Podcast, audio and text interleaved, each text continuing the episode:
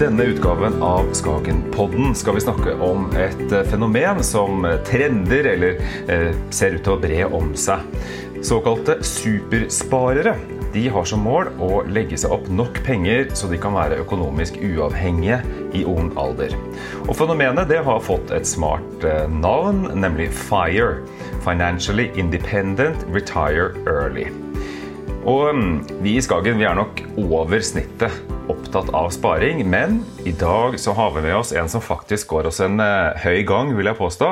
Velkommen til oss, Lise Wermeli Christoffersen. Jo, tusen takk for det. Du er, du er en produktiv dame. Du har gjort eh, bloggen og podkasten og foredrag, pengesnakk, til et levebrød. Fortell oss litt om pengesnakk. Ja, pengesnakk begynte jo som en liten hobby. Eller jeg fant ut at det var så mye smart om penger som jeg ikke visste. Selv jeg som alltid har vært sparsom og glad i å finne smarte ting å gjøre med pengene mine. Eh, men alt jeg ikke visste, tenkte jeg det er det jo andre som ikke veit òg. Så da starta jeg bloggen for å dele litt det jeg fant ut underveis, og hvordan jeg sparte, og hva jeg gjorde med mine penger. Og så begynte folk å lese, da. Så da skrev jeg enda mer. Da var det jo enda mer gøy. Og så begynte jeg litt på sosiale medier, og etter hvert med podkasten, og fikk muligheten til å skrive boka 'Pengesnakk'. Og så plutselig er det jobben min. Du, det er eh, spennende, fordi det skjer jo så mye på, på dette området. Eh, fra vi begynte for ja, snart 30 år siden, eh, så har det virkelig skjedd en rivende utvikling. Og en av de tingene som kanskje er mest fremtredende nå, det er jo dette FIRE fenomenet. Det handler altså om at relativt eh, unge mennesker ønsker å spare eh, mye penger, sånn at de får økonomisk frihet før de f.eks. fyller 40 år. Eh, du oppdaga dette FIRE-fenomenet ganske tidlig. Hva er det ved det å spare mye og legge deg opp kapital som tiltaler deg? Ja, Med en gang jeg fant det for litt over fem år siden, så ble jeg veldig fascinert. Bare det å se på de regnestykkene og hva som faktisk går an. For det er jo ingen som snakker sånn om penger og formuebygging i, hvert fall ikke når jeg vokste opp. Da var det jo snakk om å finne seg en jobb og liksom at man er ferdig å studere, jobbe hele livet, og så er pensjonisttilværelsen noe du skal nyte helt på slutten. Eh, men at det går an å gjøre det helt omvendt, nesten. og bruke mye mindre penger, sånn at du får spart opp og kan leve på avkastningen. Og allerede fra du er ja, rundt 40, kanskje, da, gjøre akkurat hva du vil. Det syns jeg var fascinerende.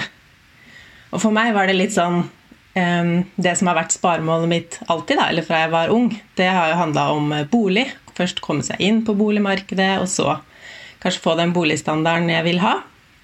Og så bodde jeg i en leilighet som jeg nesten hadde nedbetalt, for jeg var veldig ivrig på å bli gjeldfri og bli kvitt dette lånet. Eh, og når jeg hadde nedbetalt veldig mye på det lånet, det var akkurat da jeg kom over dette FIRE-fenomenet og hadde begynt å tenke litt sånn Hva skal jeg spare til nå, da? Når boligen snart er nedbetalt og jeg har det bra med den levestandarden jeg har. Jeg trenger ikke å begynne å bruke mer penger.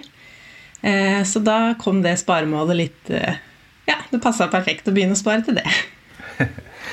og det store spørsmålet er jo hvordan gjør du det? Ja, Først så må du jo finne regnestykket. altså Er det i det hele tatt eh, mulig, og hvor mye trenger man? Og det går jo egentlig alt på hvor mye du trenger for å leve et bra liv. Eh, så ta utgangspunkt i hva, enten hva du bruker nå, eller hva du har lyst til å bruke i, en, eh, i framtiden. Og så, man, så tar man utgangspunkt i noe som heter 4 %-regelen. Um, så det handler jo om å ta det man trenger på et år, gange det med 25, og så kommer du til et tall som høres kanskje veldig høyt ut. Og så er det bare å begynne å investere for å nå det målet. Du Pål, eh, du er jo sjef for rådgiverne i Skagen og har lang erfaring. Ehm, FIRE er ikke et konsept som er sånn kjempekjent for deg? Nei, det er det ikke. Det er relativt nytt etter jeg hørte om Lise og ble kjent med pengesnakk. Eh, vi har jo mange kunder som har samme interessen. De er opptatt av å finne skjæringsbeløpet for når de kan kalle seg selv finansielt uavhengig. Der de skiller seg fra, fra den tankegangen som eh, Lise og co. virkelig har implementert, er jo at de kanskje har et høyere personlig forbruk i det daglige. Men felles for begge grupper er at de har laget en spareplan med klare mål, og følger den uansett hvilket humør aksjemarkedet er i eh, framover. Så Lise, det handler altså om å finne den si, optimale summen av penger som gjør at du kan eh, ha den økonomiske friheten som, eh, ja, som du trenger da, for, å, for å det, ha det livet som du ønsker. Men på veien dit så må du være ganske flink og disiplinert. For du må spare mye penger. Hva, hvordan, hva, råder du folk til å gjøre? Hvordan skal man klare å spare så mye penger når man har ja, huslån og utgifter og alt dette? Ja, Det første må jo være å ha et slags mål og mening med sparinga. Og for meg så holder det å ha et beløp som jeg drømmer om å nå. Eh, og så er det motivasjon i seg selv. Eh, det er litt ulikt hva hva som motiverer folk, men å spare veldig høy andel av lønna uten noe grunn, det er jo ikke veldig lett, fordi da har du ikke noe som motiverer i andre enden, eller noe å sette alle valg opp imot. da. Eh, men med en gang man har et mål, så kan man jo tenke på det egentlig alltid når man vurderer å kjøpe noe. Skal jeg ta ja, kjøpe en ekstra dyr ferie, eller bytte ut bilen? Eller er jeg mer opptatt av den friheten framover i tid? Så har du alltid noe å vekte det mot, og da er det mye lettere å ta de sparsomme valgene i hverdagen. da. For da har du den motivasjonen, da finner du den eh, hver gang du skal Dette handler jo om valg. ikke sant? Hver gang du skal velge skal jeg gjøre dette, skal jeg kjøpe dette, skal jeg bruke penger på dette, eller ikke. Ja, og jeg er veldig opptatt av at det handler ikke alltid om de store summene. For det er det høres jo mye ut hvor mye jeg har spart, og at det blir store summer av det, men alt handler jo om småpenger fra starten av. Altså valg jeg tar på dagligvarebutikken, det velger å ikke kjøpe meg nye klær. Det er liksom ganske små valg som blir mye over tid, da. Eh, for når jeg først begynte å spare, så hadde jo ikke jeg noe høy lønn. Da var jeg jo 15 år og jobba deltid på et bakeri. Og det var jo faktisk de sparepengene derfra og gode valg gjennom eh, ungdommen at jeg jobba om sommeren, og, som gjorde at jeg fikk kjøpt meg en leilighet etter hvert. Og var da jeg så liksom kraften av små penger. da. At jeg må ikke vente til jeg har en kjempehøy lønn før jeg begynner å spare. Nemlig. Eh, Pål, eh, dette med sparemål er jo noe vi også prøver å snakke til kundene våre om. Sånn, Finn ut hva du, hva du, sparer til. Eh, men det er ikke så lett å få, altså finne, finne dette sparemålet for alle? Nei, og det er jo det aller viktigste når du setter opp en eh, spareplan, er jo nettopp å sette et mål. Og eh, det er jo det vi ser at de som da velger å snakke med våre rådgivere, de er veldig flinke og, regel, og gjennom å ha regelmessig oppfølging med rådgiverne, de er veldig flinke til å følge planen sin. Men de som selv vil, eh, vil prøve seg fram, de endrer ofte på planene underveis. Og det resulterer ofte i lavere avkastning og lengre vei til målet. Så mitt spørsmål til deg, Lise, er jo eh, Det som imponerer meg med tankesettet som du representerer, er jo at dere er flinke Du er flink til å gjøre som du tenker. Eh, altså walk the talk, som man sier på engelsk. Er det trening, eller er det stahet? Eh, det er nok en blanding av mange ting. For det første så er det det at jeg er så fornøyd med å bruke lite. At jeg har den sparegleden. At for meg så har det aldri vært noe negativt forbundet med det å spare. Eh, og det kan jo være for mange fordi man utsetter jo en glede, på en måte. For du tenker at det hadde vært gøy å bruke de pengene i dag, eller jeg ønsker meg så mange ting. Jeg har lyst på den nyeste telefonen, jeg har lyst til å reise, jeg har lyst til å kjøpe hva jeg vil, for det er nå som er livet. Eh, men for meg så er det ikke noen motsetning i å leve bra nå og spare mye for framtiden. For jeg er fornøyd med å spise en billig matpakke, fordi da ser jeg hva jeg sparer, da, kontra å kjøpe noe dyrt ute. Så det er rett og slett en eh, Jeg bare har en glede av å spare. I en av eh, podkastene dine så sa du at det er ikke matematikken det skorter på, det er gjennomføringen. Hvilke råd har du til de som eh, skal vi si, begynner å vakle litt i, i, i gjennomføringen? Ja, eh, Mange som begynner å bli interessert i denne FIRE-bevegelsen. og Kanskje ikke det med å pensjonere seg tidlig, men det å ha uavhengigheten til å gjøre hva man vil. da. Det er det jo flere og flere som blir fascinert av. Eh, og så er de opptatt av hvordan man skal regne, hvordan er det med skattesystemet, hvilken avkastning kan jeg basere meg på. De er veldig interessert i tallene og regnestykkene. Eh, og da pleier jeg å si at ja, det er mye man kan regne på, Men du skal spare vanvittig mye penger over ganske lang tid. Så hvis du ikke er interessert i å leve med et lavere forbruk, kanskje prøve å finne ekstra inntekter Du må uansett samle opp veldig mye penger. Så akkurat å regne på det på krona Mitt regnestykke er jo heller ikke perfekt. Jeg vet bare det er en høy sum der som jeg sparer til. Men det er jo å ha det bra med å ta de valga hver eneste dag. Da. Og, og, og holde dette sparemålet skal vi si, levende i, for sitt indre øye, da, nærmest? Ja, og så er vi jo forskjellige hvordan vi motiveres. Noen liker jo å ha visuelle ting som de kan kanskje fargelege veien til sparemålet. Andre blir motivert av Excel-dokumenter.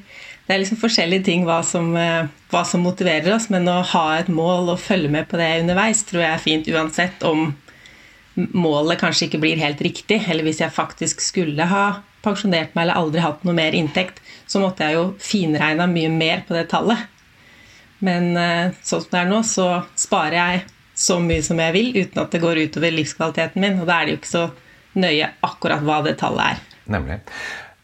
Altså Den første delen av dette FIRE-konseptet, altså finansielt eh, uavhengig, det tror jeg vi alle kan tenke oss at yes, det høres da veldig forlokkende ut.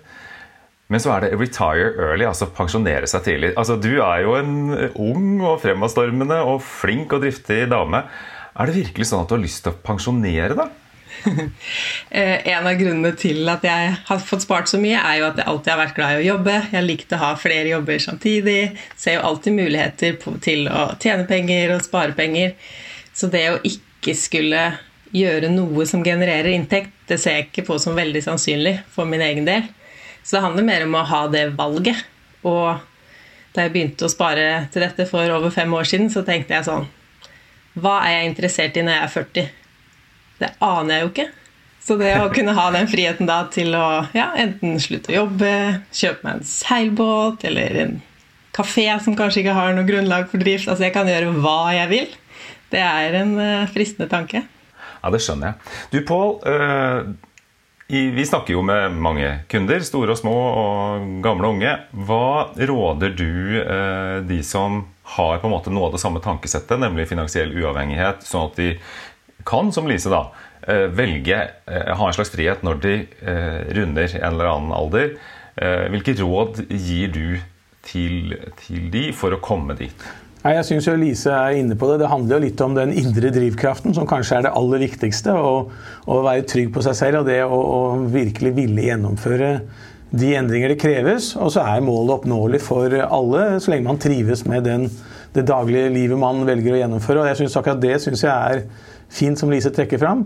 Hvis du, er, du må finne et nivå du selv er fornøyd med når det gjelder den standarden du vil ha hver dag. Og eh, det er klart det er viktig da å skaffe seg oversikt over egen økonomi, sette opp et månedsbudsjett, unngå kredittkortgjeld og andre dyre smålån, ha en sparekonto med månedlig spareavtale, og spar ekstra når det har råd til det. Jeg følger jo mine egne råd, og akkurat i år er det jo sett fordelen med månedlig sparing veldig tydelig. Du kjøper fond uansett om markedet faller eller stiger. og det er klart De kjøpene både Lise og jeg som har månedlig spareplan gjorde i våre, ser jo veldig gode ut akkurat nå. Og motiverer for meg veldig til å stå på videre med min månedlig sparing. da. For det er, eh, det er ikke så dumt, den derre jevne eh, framfor skippertakssparingen? Ja, månedlig sparing er eh, det beste sparetipset. Både for de som er veldig ivrige på sparing, og for de som ja, burde kanskje begynne å spare litt i fond, eller veit ikke. Med en gang du har satt opp en avtale, så sparer du hele tida. Du slipper å huske på det hver måned. Du slipper å vurdere skal jeg gidde å spare, eller skal jeg gjøre noe annet. Det bare går av seg selv, og så blir du rikere og rikere for hver måned. Veldig bra. Du, er det sånn at vi kan se uh, dette FIRE uh, fenomenet som er i ferd med å, å bli stort, også i Norge. Eh, kan man se det som et ledd i en større bevissthet rundt eh, hvordan vi forbruker? Eh, altså at det handler om et miljøengasjement i, i en større sammenheng? da? Mm. Jeg tror kanskje ikke det fra begynnelsen av i Amerika, hvor det har vært eh, stort. Men de jeg snakker med om det i Norge, de er mer opptatt av det overforbruket, og at man ikke vil være en del av at vi skal bare ha mer og mer ting, og så føler vi oss jo aldri rikere av å ha så mye, da. og at vi skal bruke opp jordas ressurser på å bare hige etter mer og mer og mer. Så ja, absolutt en motvekt til det. Bra. Eh, hvis vi nå ikke bare skal snakke om eh, supersparere som ønsker å legge seg opp en stor kapital, eh, som jeg tror for noen kan virke veldig utopisk og tenke at ja, det, det høres flott ut, men det passer ikke for meg. Hvilke er de beste sparetipsene dine, Lise? Ja, Da må vi tilbake til det med fast sparing og legge av en sum. Eh, og det kan jo være til spesifikke mål. Altså er det til neste sommer, eller er det, skal du ha litt ekstra til jula? Og vi er jo alle i så ulike økonomiske situasjoner at om målene er kortsiktige eller langsiktige, hva vi motiverer oss av, om det er svimlende store summer, eller om man har lyst til å for en gangs skyld dra på en litt større ferie eller gjøre noe. Ehm, men å legge av penger hver måned er eh, gull. Og gjerne på den dagen man får inn lønn. Det er den aller beste dagen å spare på når det er relativt fullt på konto, og mange kan bli frista til å kanskje kjøpe seg noe. Da er det veldig lurt å heller ha et sparetrekk som gjør at saldoen ser litt lavere ut, og da må man tenke seg litt mer gjennom eh, andre kjøp man har lyst til å gjøre. Det er et viktig poeng du har der, akkurat det å benytte den ene dagen i måneden hvor du virkelig føler at nå har jeg god råd til å, til å gjøre akkurat sparingen. Det tror jeg er et godt råd som du gir. da. Men eh, hvordan klarer du å merke framgangen? Hva, hva, hva gir den deg? Du, den gleden ved å se at du er, når målene, gir det deg ytterligere stimulans til mer sparing, eller blir du litt mer lat og får tilbakefall? Uh, nei, jeg motiveres av tall. Jeg liker å se på at uh, kontoene vokser. Det syns jeg er motiverende. Og så liker jeg å følge med på forbruk. Sånn som i år har jeg hatt mye fokus på matbudsjettet. Det er jo et sted jeg tror veldig mange nordmenn har mye å gå på. da. Bare det å sette opp en sum vi planlegger å klare oss for, og så se om vi klarer det. Litt som en konkurranse med oss selv. Sånne ting syns jeg er gøy. Veldig spennende. Det har jo etter hvert blitt eh, mange spareblogger og podkaster, og eh, det er mange stemmer som snakker om sparing. Og mange av de som som er i dette si, markedet, er kvinner som um, står bak. Da. Er det grunn til å tro at kvinner nå er i ferd med å få øynene opp for å ta grep om sin egen økonomi? Syns du at du merker det? Ja, jeg merker en kjempestor endring fra jeg begynte å blogge og snakke om det her. Altså når jeg la ut første bildene om sparing på Instagram, så var det jo ingen som snakka om økonomi der. Og nå er det jo hundrevis av eh, sånne sparekontoer som motiverer hverandre til både gjeldsnedbetaling og sparing i stor skala. Og det er veldig Ja, det er jo nesten kvinner alle sammen. Og jeg syns det er veldig gøy å være med på den trenden og se bare at man tar mer kontroll over noe man enten ikke trodde man hadde nok kunnskap om, eller som man tenkte at det er ikke så interessant, det er ikke noe for meg. Penger og økonomi, det høres ut så kjedelig ut. Men så ser man hva man faktisk kan få til, da, bare med en bedre økonomistyring. Så er det mange som skjønner at det er, at det er veldig gøy, da. Ja, og eh, vi har eh, i Skagen altså, har vi snakket om kvinner og sparing og hvor viktig det er. Eh, egentlig ganske lenge. Men vi merker vel egentlig først nå at det begynner å bli skal vi si mer et dårlig norsk ord mainstream. Pål, hva er din erfaring på de hva er, det, hva er det kvinner trenger å vite noe om når det handler om økonomi? Nei, jeg tror Vi har vært inne på det meste her nå. Det, det handler om uh, den indre drivkraften som, uh, som, eh, Lisa snakket om. Det handler om å gi de rådene som vi har nevnt tidligere i, i sendinga. Men så tror jeg også det som kan være motivasjonen, er jo det som uh, gjelder for alle sparere.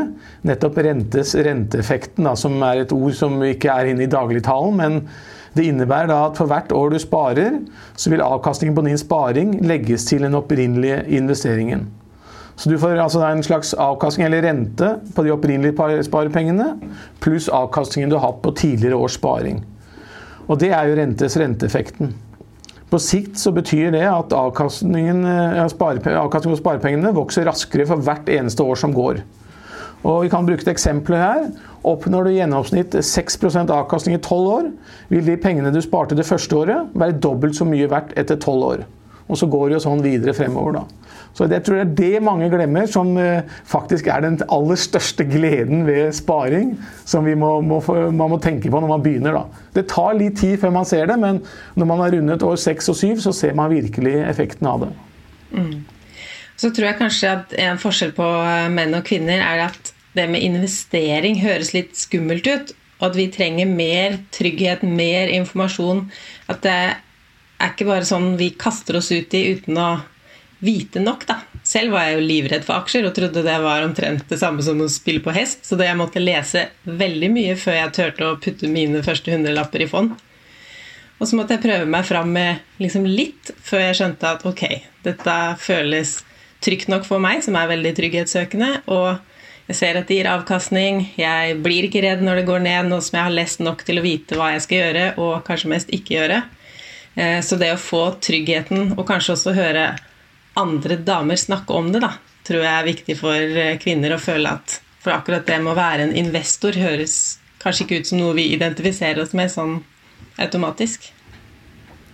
Jeg tror det med trygghet er veldig viktig, som du er inne på. og det er klart, Selskapene som de ulike aksjefondene investerer i, de går jo med overskudd. Så det genereres jo verdier, det skapes jo verdier hele tiden.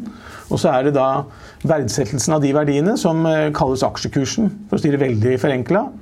Og det er jo den som vil, Verdsettelsen vil jo svinge avhengig av hvordan fremtidsutsiktene i verden er, hvordan renten er etc. Men det å være trygg på at det faktisk over lang tid går over, og som du har sagt, Lise, du har gått tilbake og sett på historien og sett at dette er noe som gjentar seg over mange tiår, den tryggheten tror jeg er viktig å, å, å kjenne på selv når man begynner å spare. Ja, for Med en gang man skal begynne å investere, altså med en gang man begynner å lese om noe med investering, så kommer man jo veldig fort over ordet risiko. Ja. Og det høres jo så skummelt ut at man får bare lyst til å lukke hele nettleseren. Men når man skjønner etter hvert at risiko betyr jo bare muligheten for avkastning, så begynner det jo å høres litt, eh, litt bedre ut. Veldig bra. Jeg liker dette. Eh, jeg tenkte vi skulle avslutte, eh, for jeg syns det har vært en veldig interessant samtale. Jeg liker ordet spareglede. Hva betyr det for deg, Lise? Nei, eh, jeg ser jeg begynner å smile bare du sier det. Nei, for det handler liksom om at det kommer innenfra, da, og at det er det omvendte av det at eh, For mange syns jo sparing er kjedelig, og at det høres ut som noe vi må gjøre eller burde gjøre, eller at det er å gi avkall på noe. Men for meg så er det ikke det å gi avkall på noe, det er å få noe. Altså jeg får trygghet, jeg får muligheter i framtida, og det er aldri dumt å ha penger på konto som jeg kan bruke til en eller annen drøm som måtte komme Eh, nei, så jeg er veldig glad i å spare på ja, hver minste ting, egentlig. Vi lar det rett og slett være siste ord. Tusen takk for at du var med oss, Lise Wermeli Christoffersen fra Pengesnakk. Og vil dere ha flere spareråd fra Lise, så finner dere det på pengesnakk.no. Og vil dere ha flere spareråd fra Skagen, ja, så er det bare å ta kontakt med oss. Tusen takk for at du hørte på. Historisk avkastning er ingen garanti for fremtidig avkastning. Fremtidig avkastning vil bl.a. avhenge av markedsutviklingen, forvalterens dyktighet, fondets risikoprofil og forvaltningshonorar. Avkastningen kan bli negativ som følge av kurstap. Mer informasjon om kostnader og mer om fondene finner du på skagenfondene.no.